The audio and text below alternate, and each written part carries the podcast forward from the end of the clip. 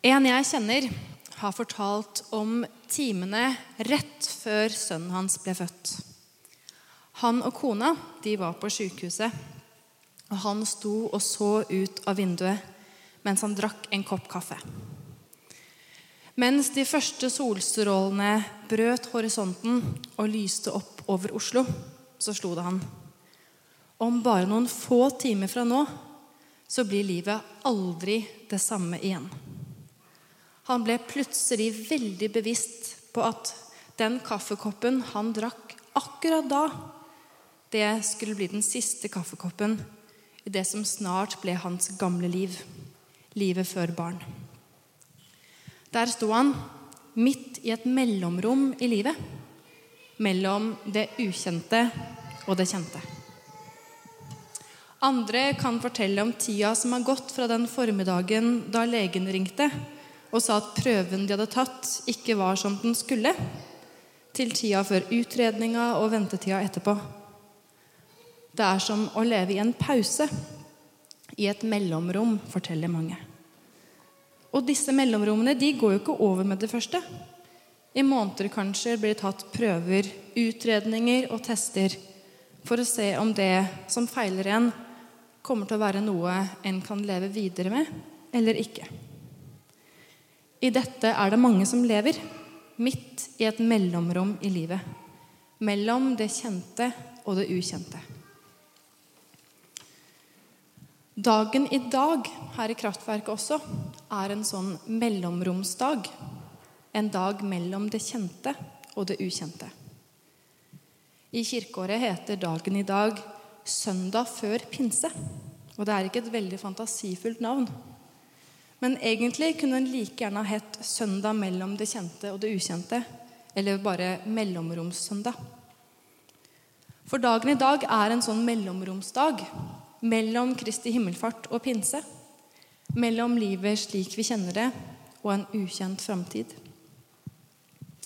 I teksten i dag, som må være kirkeårets korteste evangelietekst, så møter vi Jesus og disiplene i det som i Johannes evangeliet heter Jesu avskjedstale, der Jesus forbereder vennene sine på at livet sånn som de kjenner det, det skal forandre seg. De har fått beskjed om at han ikke lenger fysisk skal være sammen med dem. De vet at Jesus skal lide og dø, stå opp igjen og fare til himmelen. Men de har ikke forstått det. Og det kan vi jo godt skjønne. I møte med disiplenes forvirring, med deres spørsmål og uro, sier Jesus helt i begynnelsen av avskjedstalen sin.: Ikke vær redde. Jeg lar dere ikke bli igjen som foreldreløse barn. Hele avskjedstalen har en rød tråd, der Jesus minner disiplene sine om at de må leve i mellomrommet mellom glede og sorg, mellom forundring og åpenbaring men at i alt det ukjente, da kan de stole på at han er nær dem gjennom talsmannen Den hellige ånd. Jesus bruker så mye tid på å forberede vennene sine på at sånne mellomromsdager kommer til å komme. Nettopp fordi han veit at selv om de har fått troen i gave, så er den ofte ikke nok til å jage vekk all frykt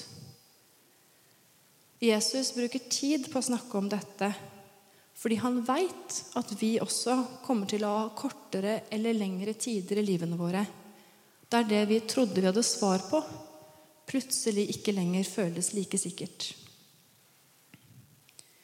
I dette mellomrommet mellom det kjente og det ukjente skal dere leve en stund, sier Jesus til disiplene sine og til oss, og ber dem og oss samtidig om å ikke frykte. Og jeg kjenner at jeg er glad for at Jesus ber disiplene sine om nettopp dette. For i mitt liv også finnes det mellomrom der det kan føles som om jeg bare venter på et svar, sånn at jeg skal kunne vite hvor livet videre går hen. Sånne mellomrom i livet tror jeg vi opplever alle sammen. Mens du venter på om du kom inn på det studiet du ville mens du venter på å høre tilbake fra jobben du søkte på, mens du sjekker telefonen din igjen og igjen og igjen for å se om du fikk svar på den meldinga du sendte, mens du venter på å høre tilbake fra legen om en prøve du har tatt. Den tida vi venter på noe som kanskje eller kanskje ikke kommer til å prege livet for alltid. Den mellomromstida, den har vi alle sammen.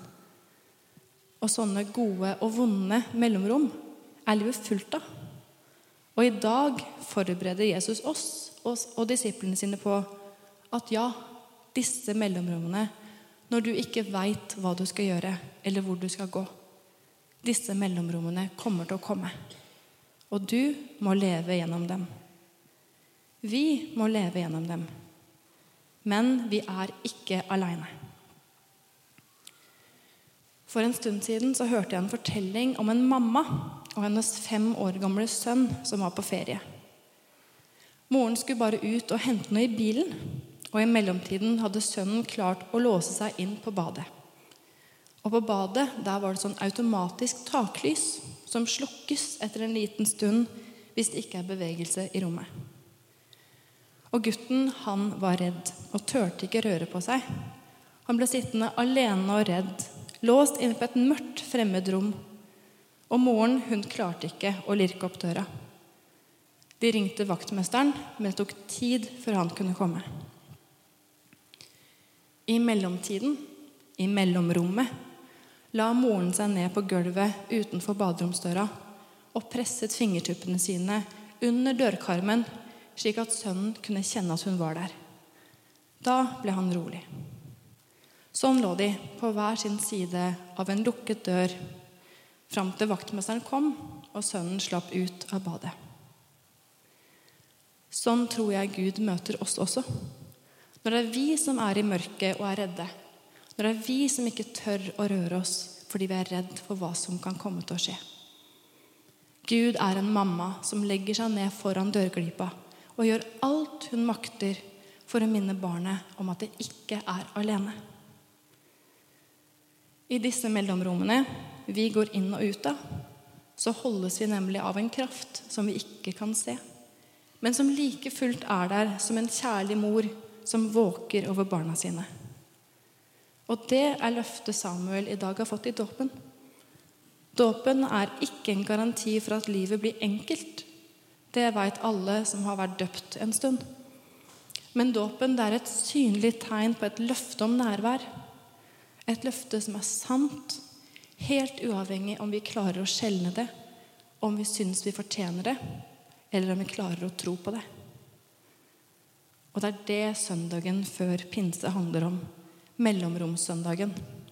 At i de dagene eller i periodene der alt vi kan gjøre, er å vente og se, så minner Jesus oss om, om igjen og om igjen om at vi ikke er aleine. Han er der gjennom Ånden. Det er Åndens oppgave. Å styrke og trøste og bære. Og presse fingrene sine under dørkarmen, slik at vi holder ut. Ånden bærer oss under alle dyp, slik at samme hvor dypt vi måtte falle, så er vi likevel omsluttet av Guds ånd. Amen.